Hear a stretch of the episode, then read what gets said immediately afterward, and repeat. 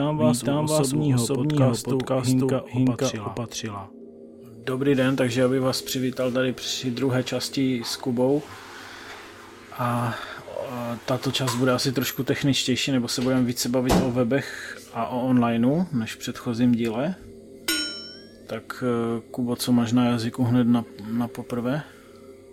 No tak v prvom rade privítam poslucháčov aj keď som sa asi pred 10 minútami s nimi lúčil. Takže vítam vás pri druhom diele, alebo časti. A my sme totiž to pôvodne v tom prvom dieli sa mali rozprávať s Hinkom o týchto veciach, ale nejak k tomu nedošlo.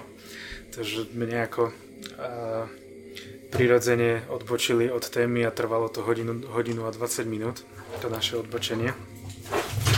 No a a my sa ospravedlňujeme, nám sa tu bijú kocúry. A, takže nevieme s tým bohužiaľ nič urobiť.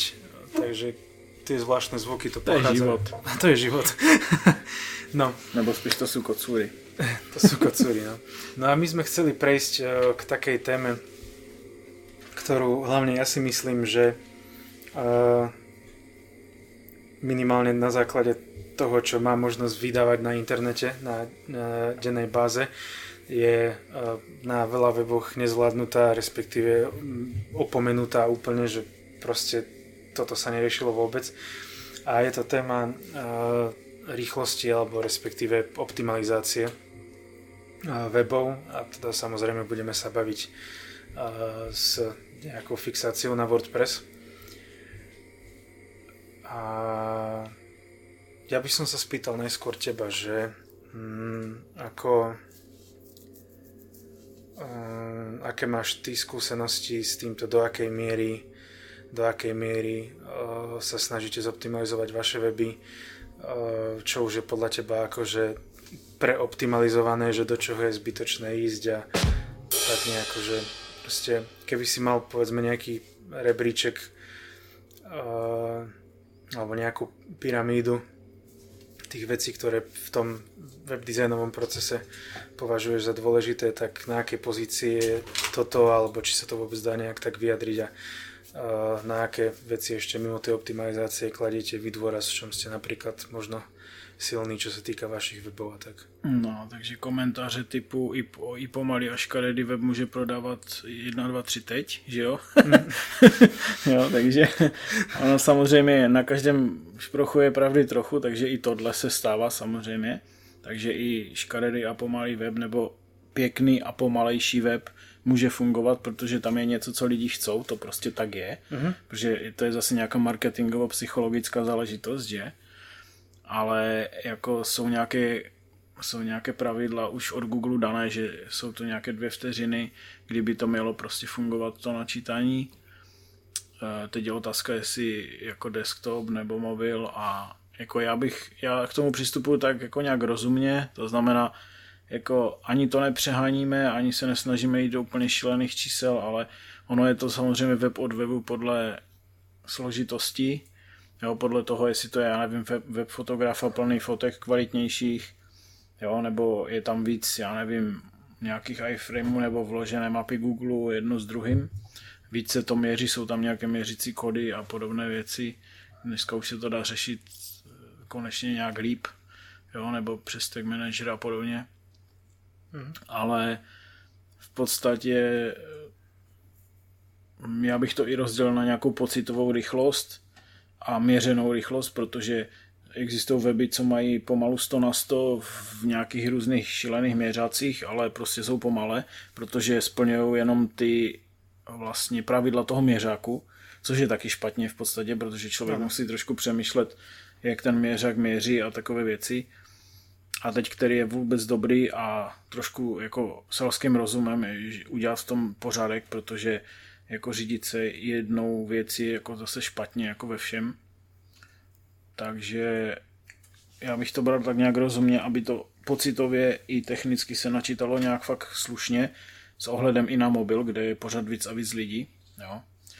Ten tablet, to je teda zajímavé, že se pořád upozaduje, jakože je jeho málo procent, i když jako člověk by čekal, že za ty roky jako to bude víc, že to bude třeba 30-40% a u většiny projektů to máme třeba na 10-15% nebo na 7, což mm-hmm. je mhm. celkem zajímavé. A i bral bych to podle toho, jak to bere Google, což on jde i si myslím podle toho, jak to vidí jako lidi, protože lidi mají ten telefon víc a víc hodin v ruce, proto už se vlastně do, do iOS do, a i do Androidu zavadějí takové ty omezení jo, aplikací a tak, že vlastně to teď jsou novinky poslední, protože aby ti lidi vlastně na to nešahali a pořád surfujou a jsou vlastně někde třeba na internetu i na tom mobilu, takže on ten mobil má důležitost. A to jako mimo to téma rychlosti bych trošku chtěl možná i apelovat i jako na ten design, ať si lidi trošku dávají s tím práci, protože ono musí to tam být pěkně na ten touch a musí to být pěkně ovladatelné. Jasne. A s tím je samozřejmě i spojena ta rychlost, protože ty že jo, prvky a nakodování těch prvků a velikosti fotek a jsou tam ty resizy fotek a takové věci.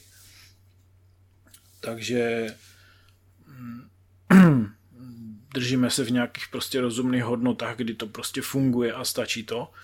A jak jsem tady Kubovi říkal, jakoby mimo mikrofon, tak jakoby normálně jsem zkusil na prudko tvrdý test prostě web bez, bez kešování, bez optimalizace a s optimalizací přímo u klienta.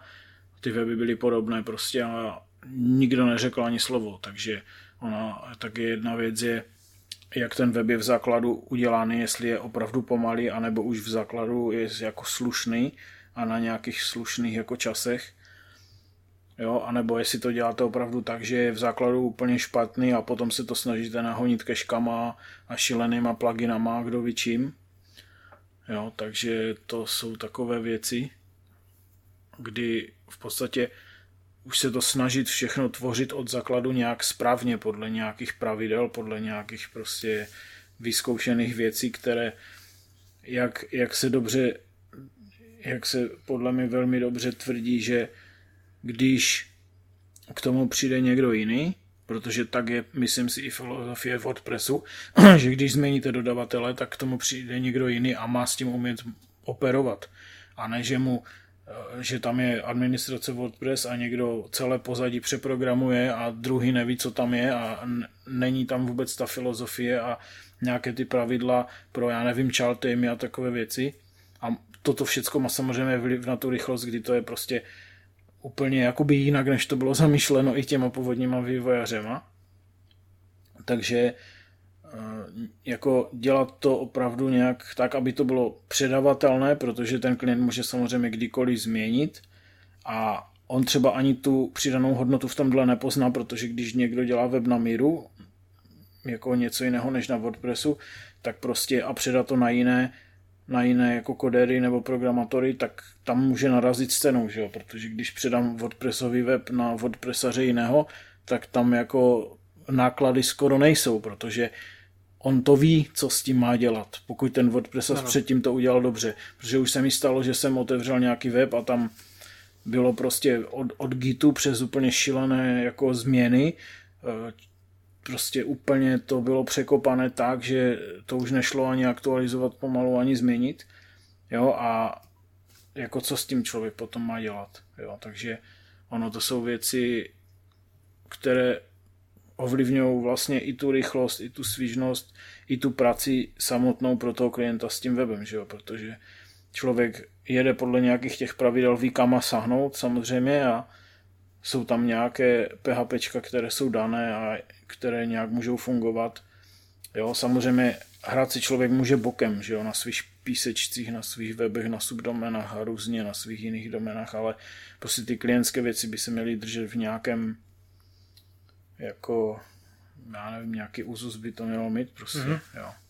Takže nevím, jestli i názor třeba na tohle, jaký máš, že jako na cel, celkový ten základ, aby potom šlapal dobře, jo? Uh, vieš čo, no, toto prakticky to, čo si povedal ty, že treba od začiatku sa toho akože chopiť správne, tak to je vlastne to, čím som chcel začať. Ale ja sa ešte, ja sa ešte vrátim na chvíľu, jak si spomínal uh, tie tie, nás, tie nástroje na meranie rýchlosti. Možno by bolo dobre um, aspoň v rýchlosti spomenúť, že, že aké sú také najpoužívanejšie alebo aké používam ja. Ja som mm, z začiatku používal Pingdom prevažne, ale ten sa mi vidí, že niekedy tie e, výsledky až príliš skresluje a príliš sa snaží ako keby hladkať ego tomu developerovi a ukazuje číslo niekedy na úrovni 200-300 milisekúnd, čo mi príde pritiahnuté za vlasy. A tu si treba hlavne vymedziť pojem, rozdiel medzi plným načítaním stránky a potom je rozdiel uh, v tzv.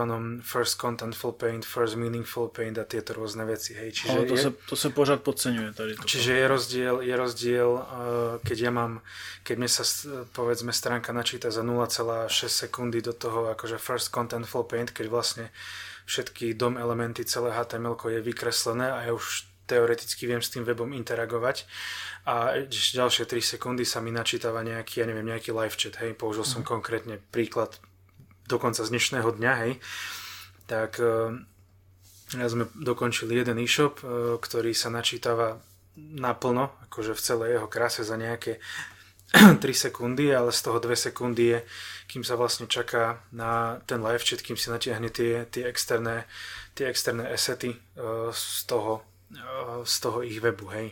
Ale mm, oni to majú tak veľmi pekne urobené, že web sa načíta za sekundu a ja s ním normálne proste s tým webom viem robiť a za dve sekundy sa mi tam pekne takou fade-in uh, animáciou nerušivou zobrazí nejaký live chat. Čiže toto akože uh, je urobené dobre. No a ja som vlastne chcel na margo toho, toho tvojho hodnotenia uh, tých bodov, čo si spomínal, mm. hej. Uh, mm, každý ten merač, či je to Pingdom, či je to GT Matrix, uh, ten je uh, dosť populárny a podľa mňa veľmi dobrý.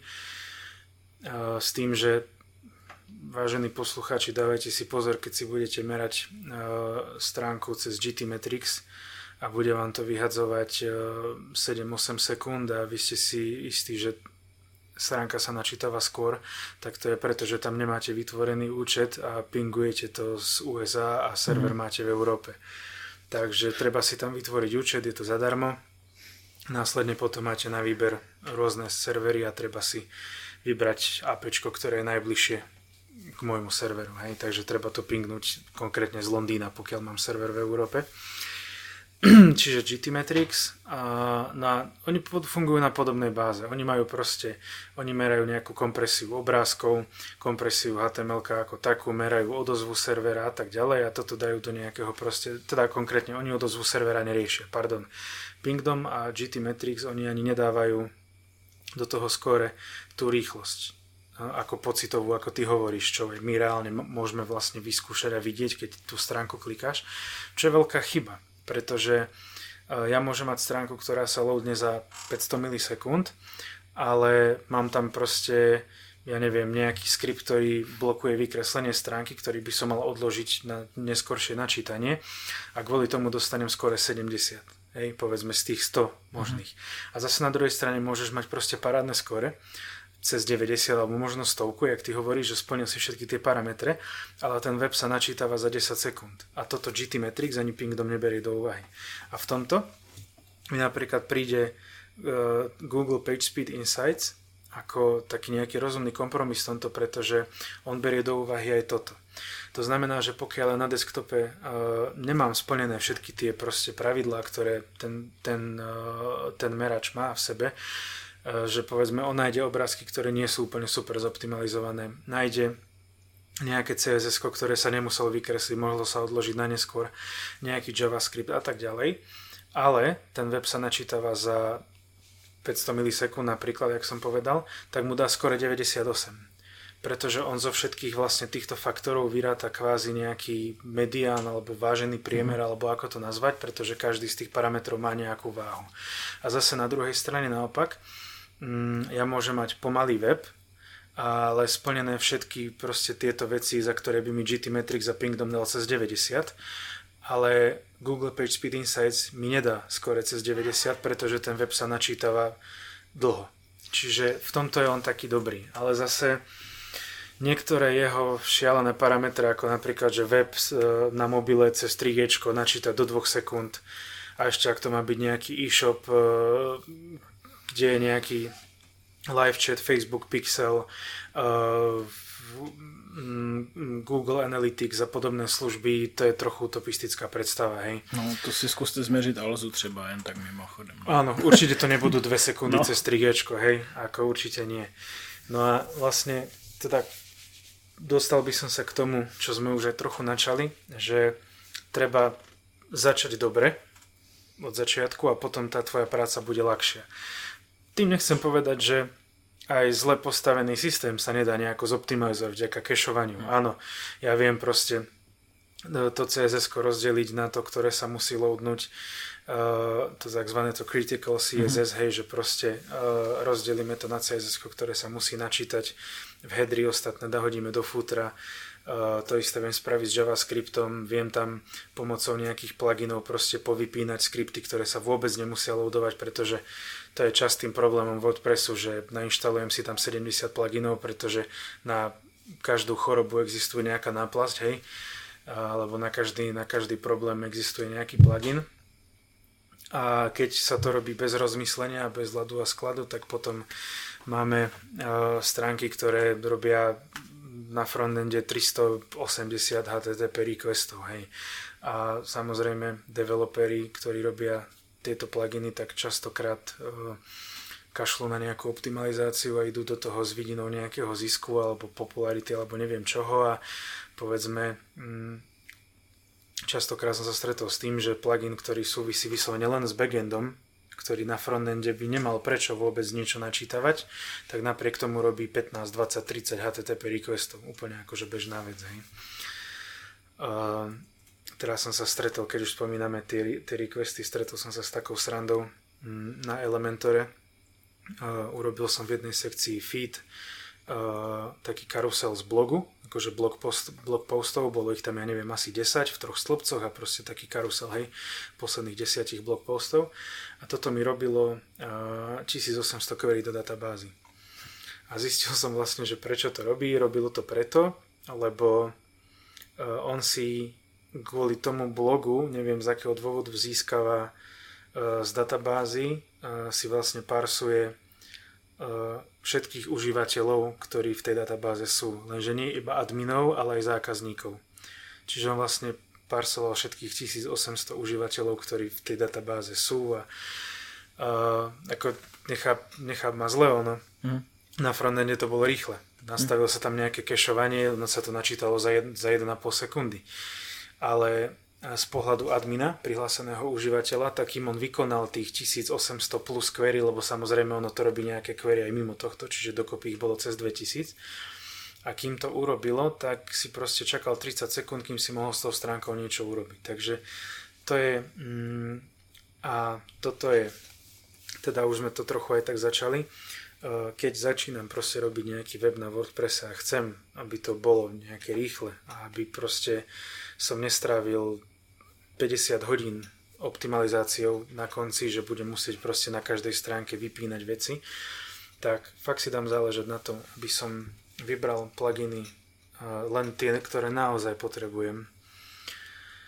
A pokiaľ chcem niečo tak komplexné, že by som kvôli tomu potreboval 70 pluginov, tak tam naozaj už prichádza do úvahy to, že rozmyslieť si, že či do toho nezainteresovať nejakého developera, ktorý by tú funkcionalitu naprogramoval na mieru bez nejakého zbytočného balastu.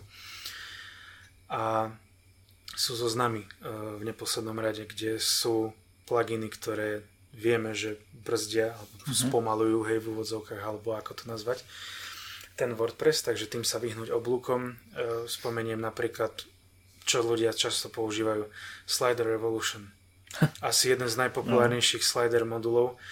Uh, Ale i pro tuhle kvalitu, mm, nekvalitu vlastne. Áno, hodne známy. a vieš, a najlepšie, uh, dobre, ako budíš, chcem spraviť nejaký efektívny paralaxový web, kde proste sa mi tam zbiehajú sprava, zľava, zhora, dola z nejak, nejaké veci a nejde mi až tak o ten výkon, ale chcem proste urobiť nejakú efektnú landing page, mm-hmm ktorá sa môže napríklad načítavať 4-5 sekúnd, ale bude to vyzerať tak bohovsky, že tí ľudia sú ochotní na to počkať.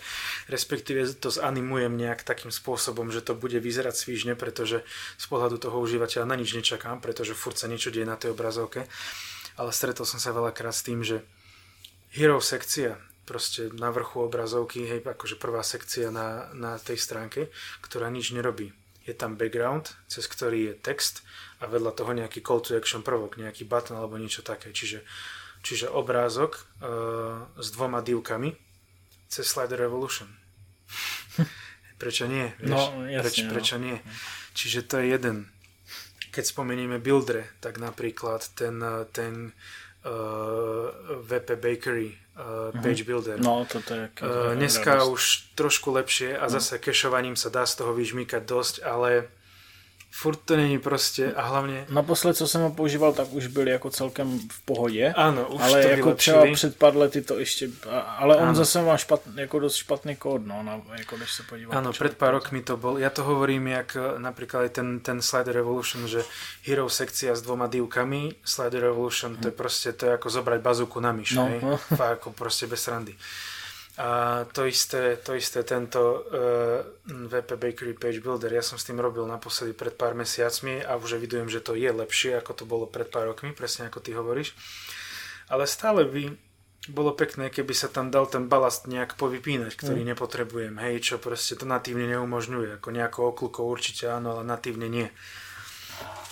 Čo je zase napríklad výhoda uh, povedzme Elementoru, hej, tam to si viem proste povypínať, aj keď Elementor nie je úplne dobrý príklad, lebo tam je toho balastu tiež veľa. Čo som bol veľmi prekvapený, tak napríklad z týchto takých bežných page builderov, ktoré majú aj free verziu a ktorá nie je na zahodenie, že aj tie free buildery sa dajú použiť, tak uh, ten Beaver builder je na tom veľmi dobrý. Je, no, je Ten to- má, ten má mm, podľa posledných testov, čo som videl, tak produkuje uh, trikrát menej kódu v kilobajtoch, hej, keď sa bavíme ako Elementor a 5 krát menej ako Elementor Pro, pretože v tej Pro verzii ten Elementor produkuje ešte viacej toho kódu, je to myslím cez megabajt. Ale čo som sa stretol šialenosti ako kontaktný formulár, uh, Formidable Forms sa to volá, on produkuje 1,5 mega uh, kódu na frontende. Formul- kontaktný formulár, hej, 1,5 mega.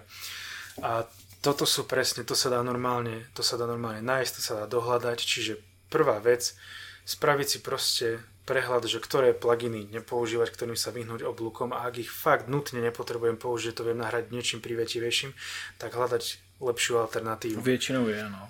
Ale väčšinou je. Uh, ja som teraz objavil nový kontaktný formulár, uh, volá sa to Fluid Forms, je to relatívne mladý projekt, ambiciózny, ale super, vieš čo, ako keď porovnám, že čo to dokáže na backende, aký to má krásny a svižný ten builder, že si všetko systémom drag and drop vieš vyskladať a na frontende to produkuje menej ako 20 KB mm-hmm. kódu, tak to je úplná pecka proste. Fakt, je, výborne je to urobené.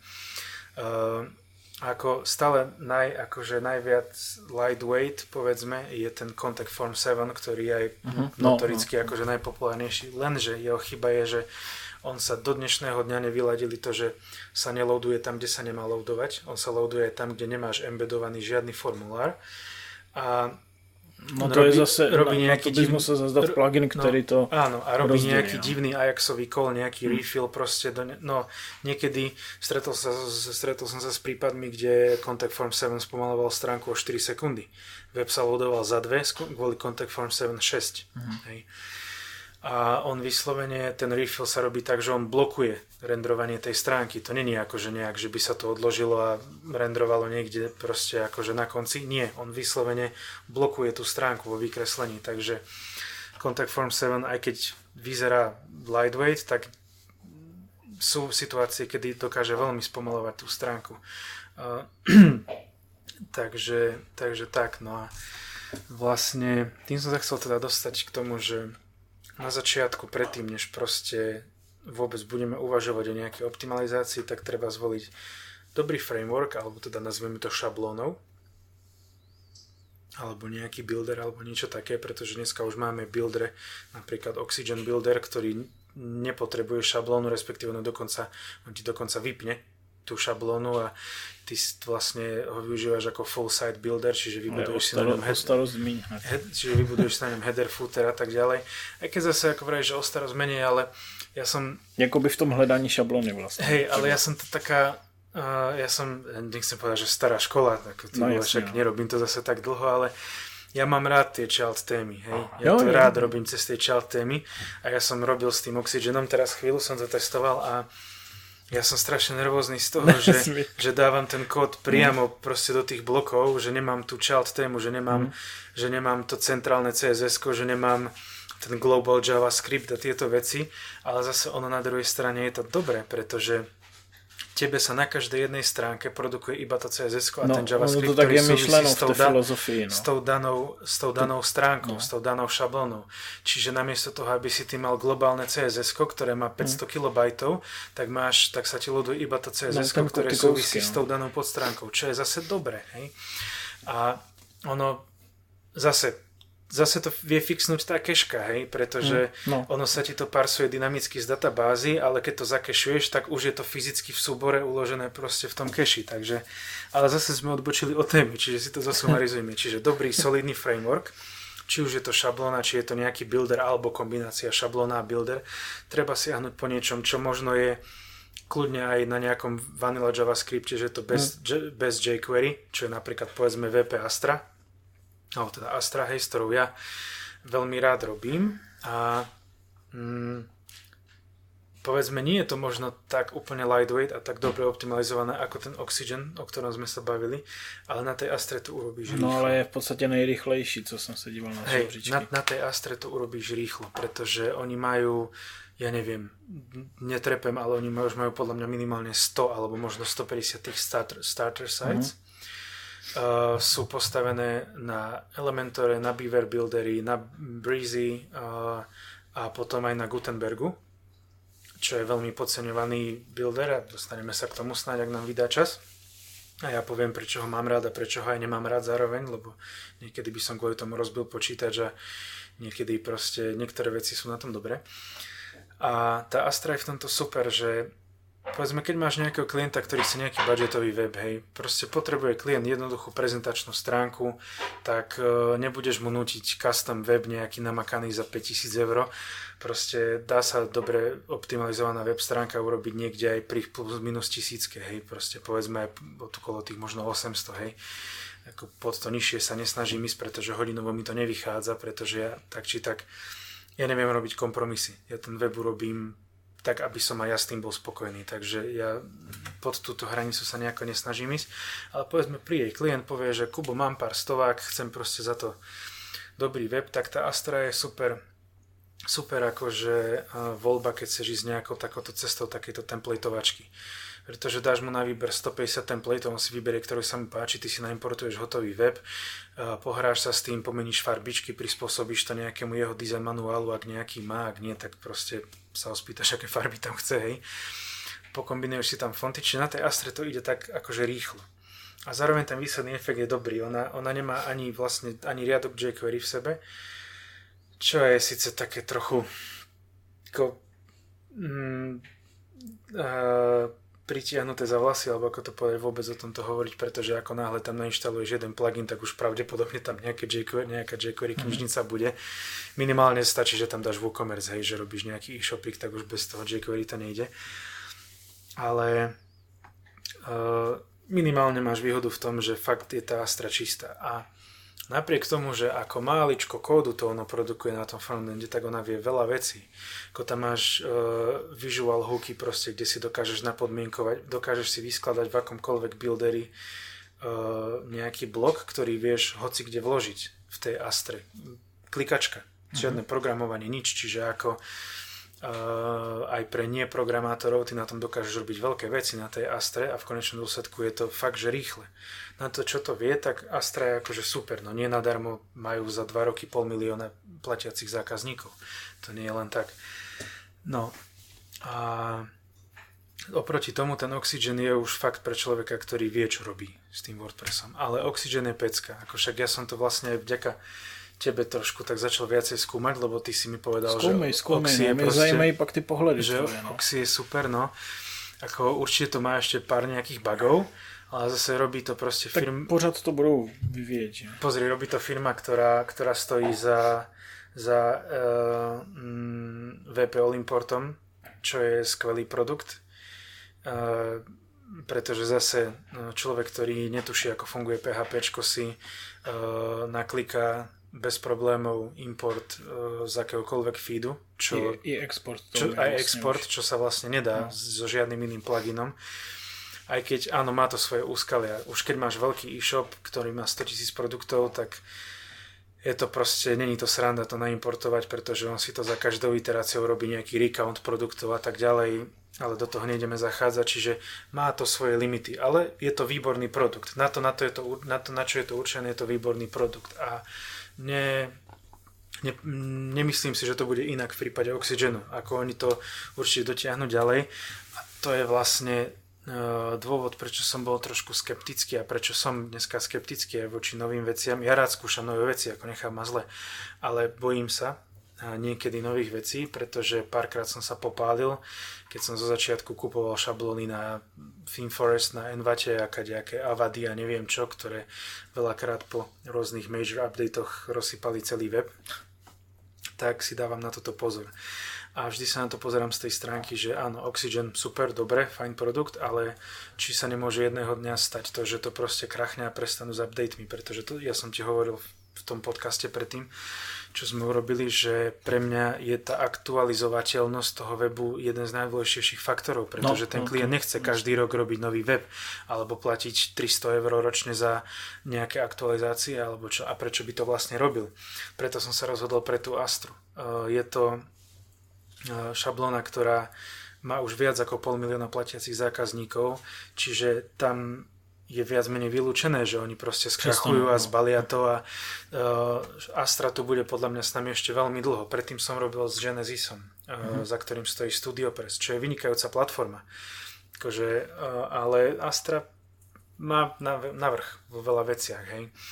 Um, no ale zase taky začínali, takže byli tam.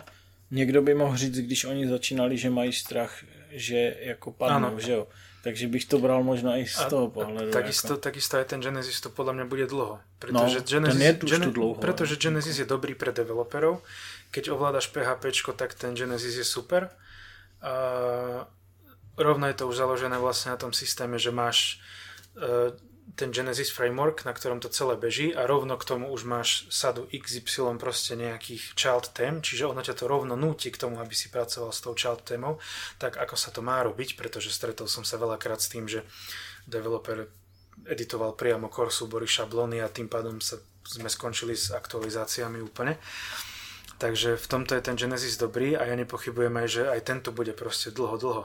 A to je vlastne dôvod toho, že tie naše weby sú viac menej takmer všetky, drvá väčšina tých webov sú dnes aktualizateľné, pretože väčšina z nich je postavená na tom Genesise, už tie nové weby už robíme na tej Astre, ale obidve sú to proste platformy, ktoré sú vynikajúco zoptimalizované a budú tu ešte veľa, veľa rokov podľa mňa, pretože to sú firmy, ktoré to majú našlepnuté dobre, uh-huh. robia to dobre a budú tu dlho. A preto sa ani nebojím nejako toho Oxygenu, lebo stojí za tým firma, ktorá zarába ktorá robí miliónové obraty ročné a to je dôvod, prečo si myslím, že aj ten Oxygen tu proste bude dlho. Že nie je to, že a hlavně, teraz si povedal niekto, že... Když se člověk podívá, co ten, co ten jako, to je asi majitel zřejmě, jak, jak on jako se prezentuje, tak on si, to si možná všiml, si jako moc nebere servitky, on tam normálně jako fakt, fakt, jo, jako ve videích prostě, že tady to má tolik kodu, to má tolik, my to chceme dělat jako správně, jinak, líp, a jedno s druhým, takže on i jako tím prostě tou přirozeností nebo těma vlastnostmi povahovýma jako jo, že člověk, člověk se s ním někde stotožní, že on prostě jede tuhle cestu, jo, takže si řekne, že on to ne, nevzdá a on chce něco, co bude prostě udělané líp a jinak. Mm-hmm. Jo, protože on je vlastně, ten produkt je rozdělený úplně ve všem. Je tam prostě ten flex, je to, je to vlastně, vypne to šablonu, že jo, funguje to úplně jinak. On ukazuje ve videích i rozdíly, co a jak funguje, takže prostě mm-hmm. to je vidět, že ta filozofie je úplně jinde. Jasne. Jo, i v tom, jak jsi říkal, v to vkládání kodu a tady ty věci, takže mm, teď mě tak napadlo, když, mluv, když mluvíš o té Astře, jsi si někdy uh, testoval uh, oproti Vanille pro Elementor? oproti té šabloně, protože oni mají už vlastní tu Hello šablonu, no, myslíš? Jestli jsi to zkoušel? Uh, neskúšal som to vôbec, no. pretože... Mi to vycházelo na stejno.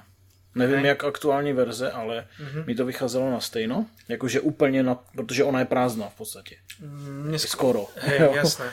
Jo. Ako to je dobré, to je, výhoda, to je výhoda, no. Ako neskúšal som to, pretože...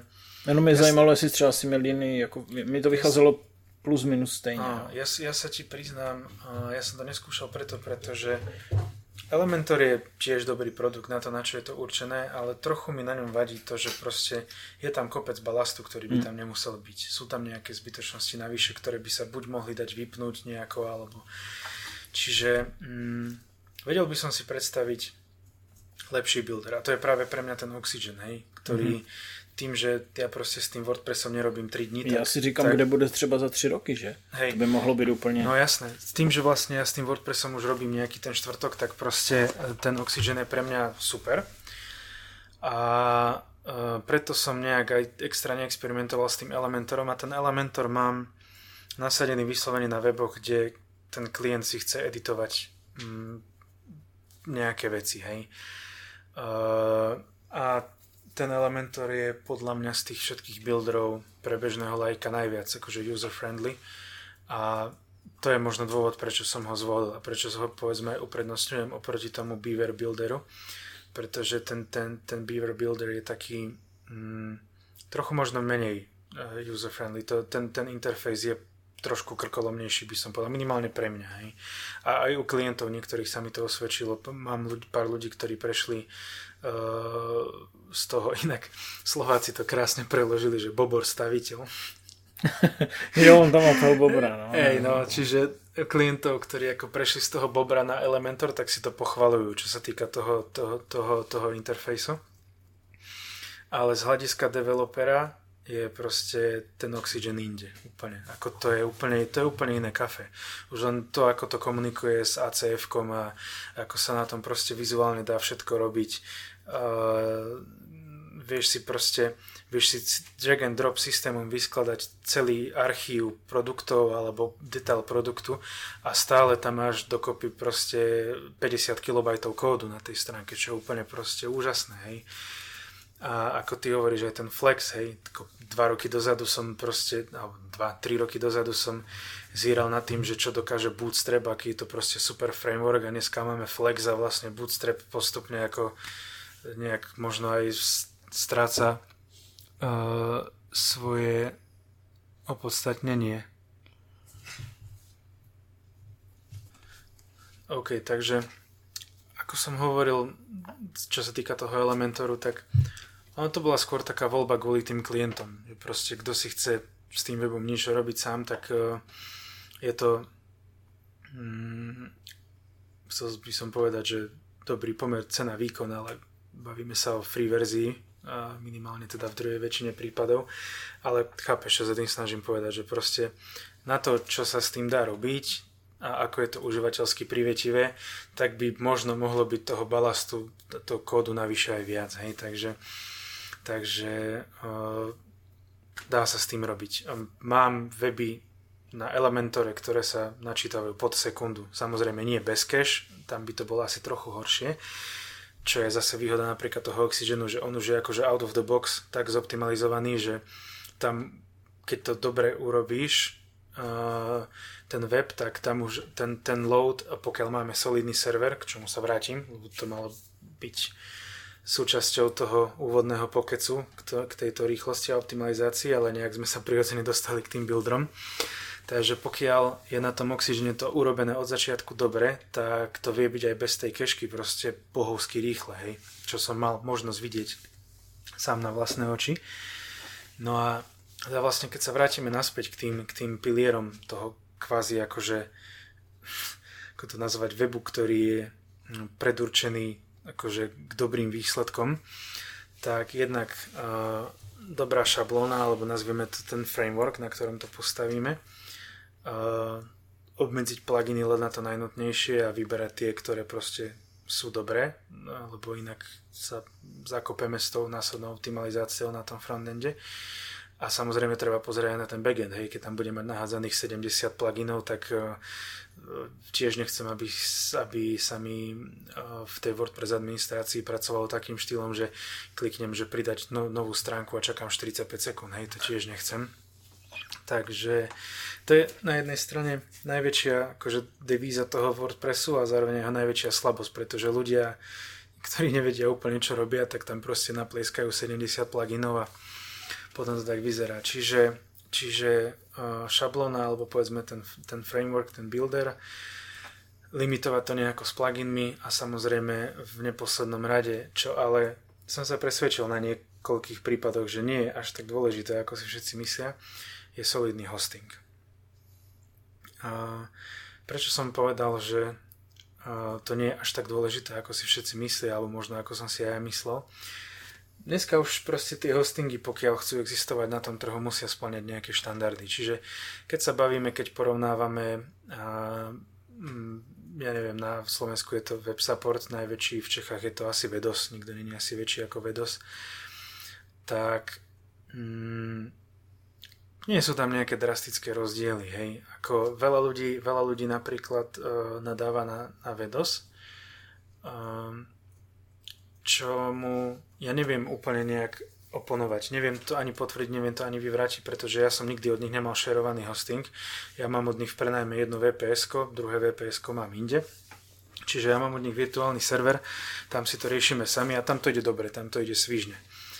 Uh, ale musí byť niečo zlé na tej infraštruktúre, pretože weby, ktoré mám v tom inom, na tom inom vps idú proste rýchlejšie. Robil som viacero testov jednak jednej, že keď som migroval jeden web, tak som ho najprv akože spravil uh-huh. sériu testov vo Vedose a potom v tom novom tej novej hostingovej spoločnosti a ide to lepšie, čiže oni to majú asi trocha zastaralé, ale e, dneska už fakt akože e, tým kešovaním, hodnou implementáciou toho kešovacieho riešenia e, vyriešiš aj pomalú odozvu toho servera, pretože v princípe e, ty keď čakáš na odozvu servera, tak čakáš na čo? Čakáš prevažne na to, aby sa ti skompilovalo PHP do HTML. A lenže keď ty máš už to HTML predkompilované a uložené ako proste na, ako statické súbory v tom cache foldri, tak na to nečakáš, hej. A potom už vlastne ty čakáš iba na nejakú latenciu toho servera. To by musel byť fakt strašný shit, aby to malo latenciu, ja neviem, 500 milisekúnd alebo koľko. Čiže mm, Samozrejme môže byť, že ten server môže byť bohovsky preťažený, čo web hostingové firmy robia, že majú jednu mašinu, kde je 16 GB ramky a majú tam 3000 webov, prečo nie? Hej. 3000 som asi prehnal, to by asi nefungovalo, ale, ale prehnal som to, ale akože vieš, o čom, o čom hovorím. Čiže, čiže nielen, nielen ten WordPress musí byť dobre postavený, ale, ale uh, musí, musí aj ten, ten hosting uh, tomu akože zodpovedať. No a mm, už potom existujú napríklad hostingové riešenia, ktoré, pri ktorých nemusíš riešiť cache na úrovni aplikácie, ako toho WordPressu, ale majú nejaké cache riešenie zabudované v sebe. Uh, to je napríklad VP Engine, ktorý je super. Ako, ten hosting je výborný, ako tam sa to načítava všetko rýchlo. Uh, aj keď Stretol som sa s jedným webom, s ktorým mal problém aj VP Engine, ale to už bol tak predimenzovaný web, že to fakt potrebuje vlastné VPS, kde má minimálne 8 GB ramky a tam už bolo treba riešiť tú optimalizáciu na mieru, čo sa nám nakoniec podarilo a vyžmykali sme z toho viac ako ako dokázal aj ten samotný VP Engine, ale aj tak, ten web napriek tomu, ako to bolo hrozne celé urobené, tak to na tom VP Engine išlo relatívne dobre. No a oni to vlastne, oni to kešujú na, na úrovni servera, oni proste majú nejakú vlastnú technológiu, používajú, predpokladám, že Nginx ako nejaké reverse proxy a proste cez mm. to kešujú priamo. Potom napríklad máme SiteGround, ktorý to má tak hybridne, že Uh, oni majú modul, ktorý si nainštaluješ do WordPressu, vlastný, proprietárny, tam si nastavíš to kešovanie a on to potom pušne nejako na ten server, hej. Uh, čiže rôzne uh, veci. Potom máme napríklad taký Cloudflare, hej, uh, ktorý je v princípe CDN, ak poslucháči nevedia z anglického Content Delivery Network, tieto CDN sa väčšinou používajú na statické súbory, povedzme na obrázky a tak ďalej. Používa sa to skôr e, v prípadoch, kedy máme navštevníkov povedzme z celého sveta, to CDN si urobí kopie toho webu a vždy to dodá tomu zákazníkovi z najbližšieho miesta, aby sa tam práve obmedzila tá latencia, pretože ak ja som e, v, ak ja som v Austrálii a server je v v Európe, tak samozrejme tá odozva nebude instantná.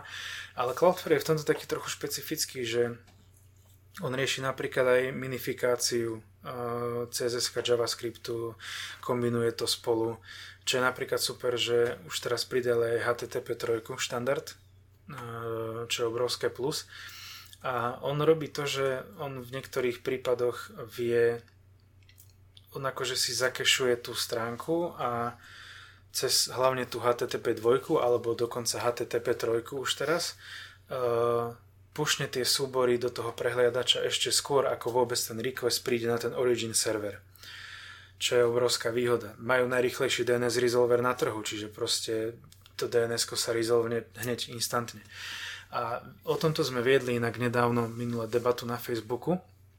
E, pýtal sa ma e, jeden chalan, že prečo dávam na všetky weby Cloudflare, keď povedzme napríklad ten Cloudflare mi môže niekedy ten web ešte spomaliť. Čo je pravda, pretože ak ja mám server e, v Bratislave, cieľim na lokálnu klientelu, čiže povedzme Slovensko alebo povedzme napríklad Čechy, a Cloudflare má najbližší, uh, najbližší server, ja neviem, vo Frankfurte, tak tá odozva bude rýchlejšia z tej Bratislavy, keď riešim lokálny biznis. Áno, to je pravda. Uh, čo nie vždy musí byť zase, lebo vrajím ako ten Cloudflare je tak technologicky postavený, že tá HTTP 3, ten rýchly DNS resolver a kopec týchto vecí prispieva k tomu, že ono, aj keď ten server je ďalej, tak tá odozva je proste brutálne rýchla, respektíve tie súbory cestujú strašne rýchlo. Uh, jednak aj ten ich trafik je proste obrovský, však tam niekoľko gigabitové prípojky a jedno s druhým, ale keby aj uh, čo samozrejme, mali sme pár takých testov, že povedzme ten Cloudflare ako keby v úvodzovkách spomalil tú stránku o pár milisekúnd, reálne podľa, podľa viacerých testov a ja nikdy nerobím jeden test, že urobím jedno meranie cez GT Metrix a koniec, hej. Tých meraní robím viacej a robí sa z toho potom nejaký priemer. Lenže ten Cloudflare na druhej strane aj v tej free verzii má tak strašne veľa benefitov aj z hľadiska bezpečnosti, že ja sa vykašľam na nejakých 200 milisekúnd navyše. Pretože ten Cloudflare mi uh, zašifruje všetky e-mailové adresy mm. na mhm. stránke, uh, uh, skrie mi origin IP adresu, čiže hacker nevie, aká je IP adresa môjho servera um, a uh, rieši, rieši vlastne uh, brute force uh, útoky, no, útoky ešte predtým, ako vôbec prídu na server.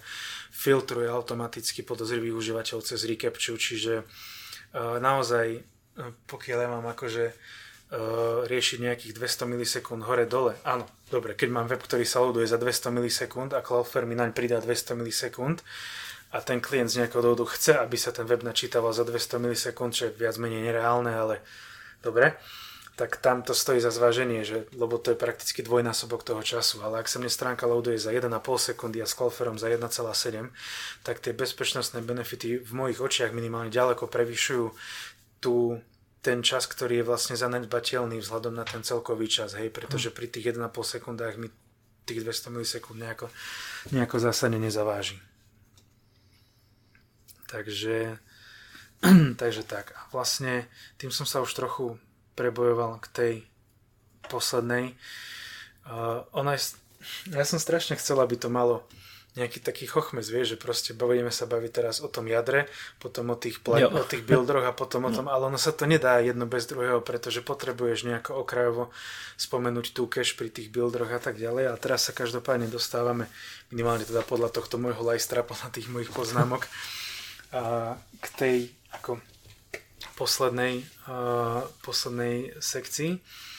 A to sú tie záverečné veci, ktoré viem urobiť vlastne nakoniec ešte nad rámec toho, že už som si teda zvolil dobrú šablónu, dobrý builder, uh, dal som tam len tie pluginy, ktoré tam musia byť, A povedzme, napríklad som si stiahol nejaký plugin, tuším, že Asset Manager, alebo nejak tak sa to volá, cez ktorý sa dá pekne povypínať na frontende skripty a CSS, ktoré sa nemusia načítavať, čo je trošku na dlhšie hranie, ale v niektorých prípadoch to vie akože urobiť veľa. A hlavne keď tých pluginov je viac a tam musia byť, tak jedine takto to viem urobiť.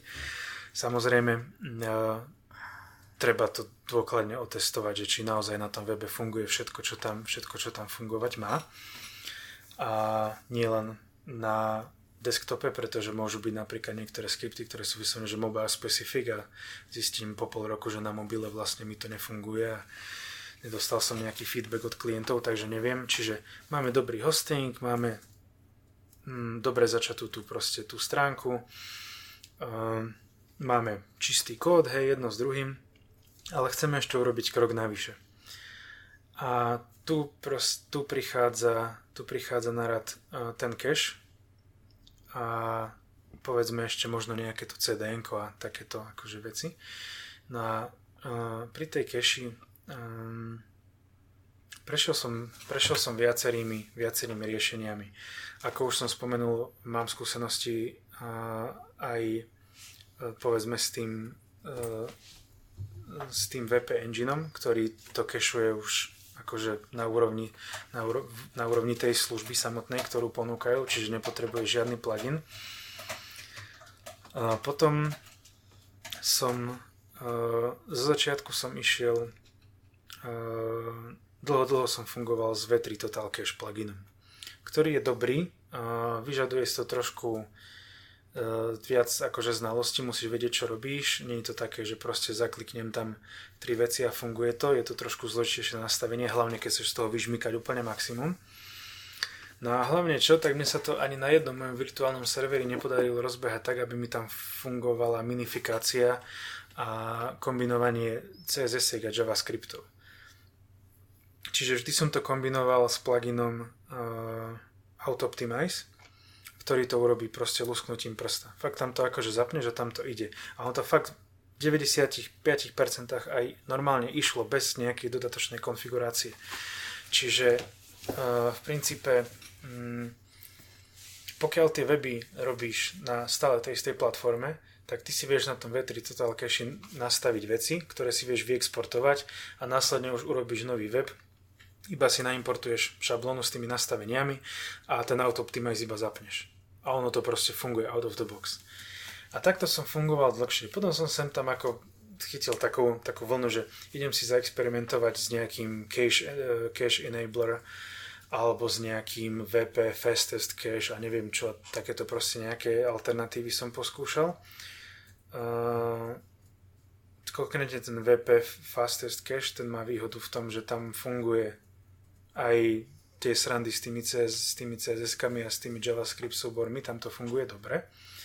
A funguje tam aj preload, že vlastne on akože robí ten, ako keby ten cache preworm, že ten bot chodí po tých stránkach a preloadne tú cache, keď expiruje, hej, aby sme sa vyhli akože tomu kvázi v úvodzovkách prvému pomalému načítaniu tej stránky, aby to nebolo na tom užívateľovi, ale spraví to za nás ten bot.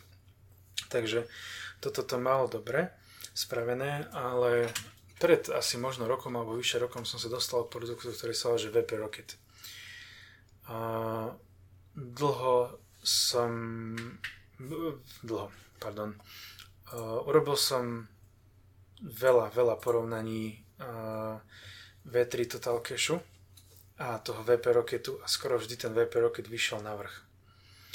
A uh, je to, je to jednak veľmi dobrý, nie je to zadarmo, hej, ale zase ten, mm, ten poplatok nie je nejaký šialený.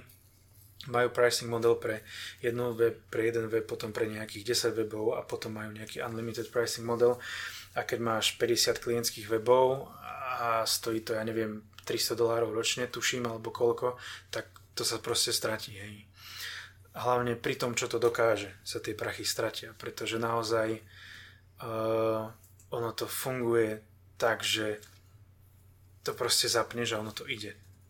Fakt, ako to nastavenie je úplne tak, tak strašne jednoduché, že ja som tomu až nechcel veriť. a takmer vždy to vyšlo na vrch oproti tomu V3 to cache'u, čiže vie to ešte lepšie, proste do lepších čísel dostať ten web. Nehovoriac o tom, že e, čo často brzdí weby Google Analytics. Vo WP Rockete zapnem jeden switch a on si automaticky e, ten Analytics code hostuje lokálne, hej. Uh, a nastaví ho samozrejme do futra, hej, aby proste... Aj Facebook Pixel. Teď, a, aby sa to, hej, takisto Facebook Pixel tiež je možnosť jedným klikom to zapnúť lokálne. Je tam dokonca funkcia, že keď to prepojíš, ak sme spomenuli už ten Cloudflare, tak zapneš integráciu s Cloudflareom, hodíš si tam iba ten API key a, a tie všetky akože údaje, ktoré tam treba, e-mail key a ešte jedna vec je tam, nejaký app, secret code alebo niečo také.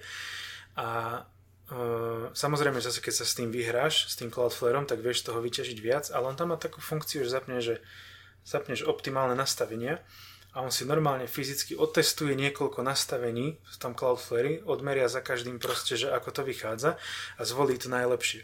Čiže ono to, ono to trvá chvíľu. Uh, ja normálne pozorujem, že keď takto hodím na web ten Cloudflare a nastavím v tom web rokete tie optimálne nastavenia, tak uh, a každých povedzme 5 minút pingnem tú stránku, tak za každým mám iné výsledky. Ja normálne vidím, ako on proste testuje tie nastavenia čo je úplne neuveriteľné. Teraz v novej verzii mm, dali dokonca novú funkciu, že kešovanie WebP formátov obrázkov a automaticky to do kompatibilných browserov e, pušuje WebP formát a do nekompatibilných to dáva originál obrázok. Hej. E, a k tomu, mm, k tomu mám veľmi dobré skúsenosti s ich s ich pluginom, čo je logické, že používam ten, pretože som predpokladal, že to bude spolu komunikovať, tak je mm, Imagify, ktorý slúži na optimalizáciu obrázkov, čo som si teraz uvedomil, že sme vlastne vôbec nespomenuli, uh, čo je vec, ktorou sa stretávam na dennom poriadku.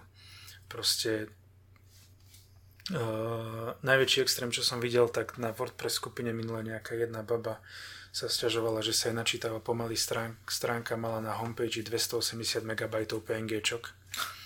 Takže na web, ak to nemusí byť PNG, tak jednoznačne JPEG. A pokiaľ viem ušetriť s WebP formátom, tak WebP formát, ale stretol som sa s tým, že uh, počúvaj, čo som si akože myslel, že WebP je vždy proste akože úspornejší. A... No není, no. Nie vždy. Nie vždy. v niektorých no. záleží, jak se pře, jako překonvertuje. No. Vieš, kedy je uh, WebP formát brutálne úsporný, keď konvertuješ z PNG do WebP, pretože WebP formát dokáže pracovať s transparenciou. No a hlavně záleží zase z pohledu fotografa, ti řeknu ohledně barev, že jo? Protože každá ta barva konvertuje jinak, černá, jasné, bílá a jasné. ty šedé přichody, takže tam to WebP taky samozřejmě jako je. A to jsem chtěl vlastně říct k tomu, že No, VP Raketa mě trošku teď naštvala, protože jsem zjistil, že když vypnu jako CSS a jako minifikace v tom a zapnu to v, v, to, v Free Auto Optimize, tak to dává víc, jo. Což jsem jako docela čuměl. Jako jo. Mm-hmm. A mhm. už jsem si všiml, že hodně kolegů dává prostě kombinaci Auto Optimize a Rockety. Fakt? Jo, a což jako jsem nechápal, protože zkus si to. Čumil Víš, som ako, ja som, ako a hodne. hodne ja, som sa stretol, ja som sa stretol s tým, že napríklad tak som, na Oxygene a na Astre, čiže bavíme sa o systémoch, ktoré už sú akože v základe dobre zoptimalizované, tak keď zapnem minifikáciu CSS a JavaScriptu, tak častokrát ten minifikovaný súbor VP Rocketom je väčší ako ten zdrojový súbor. Hm, Čiže tá, ast- nedíval, tá Astra, ten Oxygen je už akože už, no. už v, ako v je, ty vole, nazvem to v továrenských no, nastaveniach. Áno. No. Je už proste tak zoptimalizovaný ten kód, že ho netreba minifikovať. No. A čo je taká sranda, že čo, jedna vec, ktorá mi neúplne ide do hlavy, uh, máme dneska štandard HTTP 2, už dokonca HTTP 3 ide s tým quick protokolom. A pri tej HTTP eh, alebo, pardon poslucháči, ak chceme byť korektní, HTTP 2, tak, uh, no lebo sú podľa mňa ľudia, ktorí by aj na toto akože mm, uh, reagovali, že, že to akože nekorektne hovoríme, tak pri tej HTTP 2 uh, je, no najväčšia výhoda celého toho protokolu je, že viem vlastne naraz načítať všetky súbory, hej, že sa načítajú paralelne. Čiže vlastne ja by som nemal mať dôvod kombinovať tie CSS a JavaScripty dokopy. Což v rakete je i v popise Pretože čo, je, vlastne. čo je áno aj v popise, ale robil som testy, robil som na toto veľa testov a zase skoro vždy sa to rýchlejšie loadlo ten web, keď to bol jeden súbor. A neviem prečo, to mi príde nelogické, pretože uh, logicky by sa mi skôr malo načítať 20, 20 kilobajtových súborov, ktoré sa načítajú paralelne, pretože prenosová rýchlosť nepustí ako jeden 400 kilobajtový súbor, hej, keď tých 20, no, 20 ja kilobajtových skombinujem Na tohle téma jsem jako hodně naštvaný, protože to, že některé hostingy ještě teď nemají HTTP 2, to mají ještě nějaké vůbec? Mě vytáčí, jako, mm-hmm. to nemají. A co mě úplně nejvíc vytáčí, že HTTP 2 to není jako, jsou dvě věci. Jedna věc je HTTP 2 a druhá je push content. Ano. A oni ten push content nepodporují většina. To znamená, oni ti napíšou marketingově, že máš HTTP 2 web, HTTP 2 test ti projede, ale nemáš push content, takže to ano. HTTP 2 jede třeba na 40%, jako by to využití té technologie. Hej. A push content musíš ještě mít spuštěný ve WordPressu třeba pluginem. To znamená, vlastně Hej. oni ti to nepušuje na, tom, na ty malé části, ale prostě máš to HTTP 2 a jako můžeš se takhle plácat, ale prostě je to na prd. A tohle mě strašně štve jako teď na téma hostingu. Jo, že prostě, že oni to tam jako napíšou, ale ten push tam není. Jo, ne, jakože oni, oni to totiž můžou zapnout na serveru, ale ty si to nezapneš jako v aplikaci. Hej. A pak je situace, že to nemají na serveru, ty si to zapneš v aplikaci a oni ti napíšou, že to nemají na serveru. Mm-hmm. Jo, takže to jsem chtěl říct k tomu HTTP 3 to už je úplně v podstatě míle daleko proti tomu, že oni nemají v pořádku ani HTTP 2, mm-hmm. což je jako to je hrůza a nemají ani ten push, jo, což je masakr.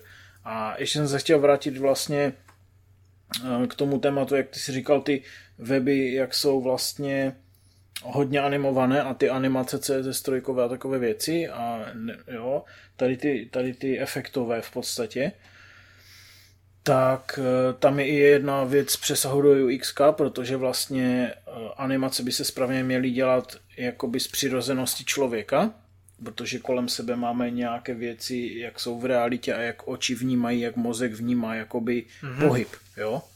Jako to je teď kolem UX třeba, ale týká se to i té rychlosti v podstatě.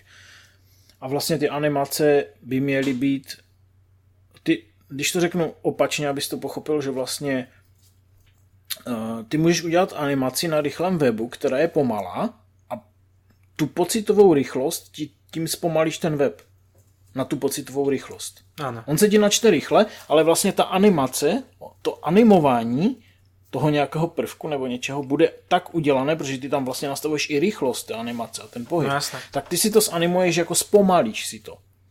Což je vlastně, ty animace jsou dělané i na ten marketing, že ty můžeš, můžeš něco zvýrazňovat, zpomalovat.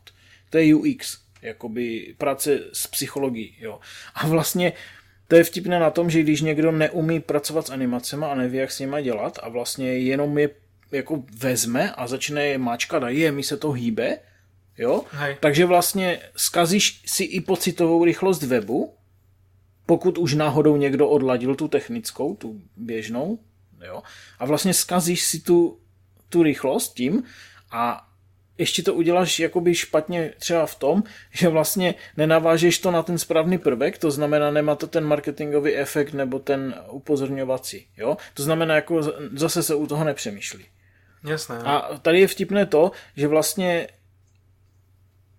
ty uděláš pěknou úplně nadrba, na, úplně jako super, že to bude fakt turbo, turbo rychlost nějaká prostě v, měř, v měřaku to bude mít hodně, ale vlastně tou animací, tou vrstvou, jenom tou animační, jenom v tom jednom prvku to celé prostě uh, jo, vzpomeň se to. Takže to je taková jako vtipná situace, ale normálně se to děje na některých webech prostě. A to je zase to, že někdo jako nepřemýšlí a neumí pracovat s těma animacema, a teď jako ono to je totiž sam obor o sobě, to už jako se zachází do toho UX a prostě to, jako zase se člověk musí hodně, hodně jako v tom vzdělat.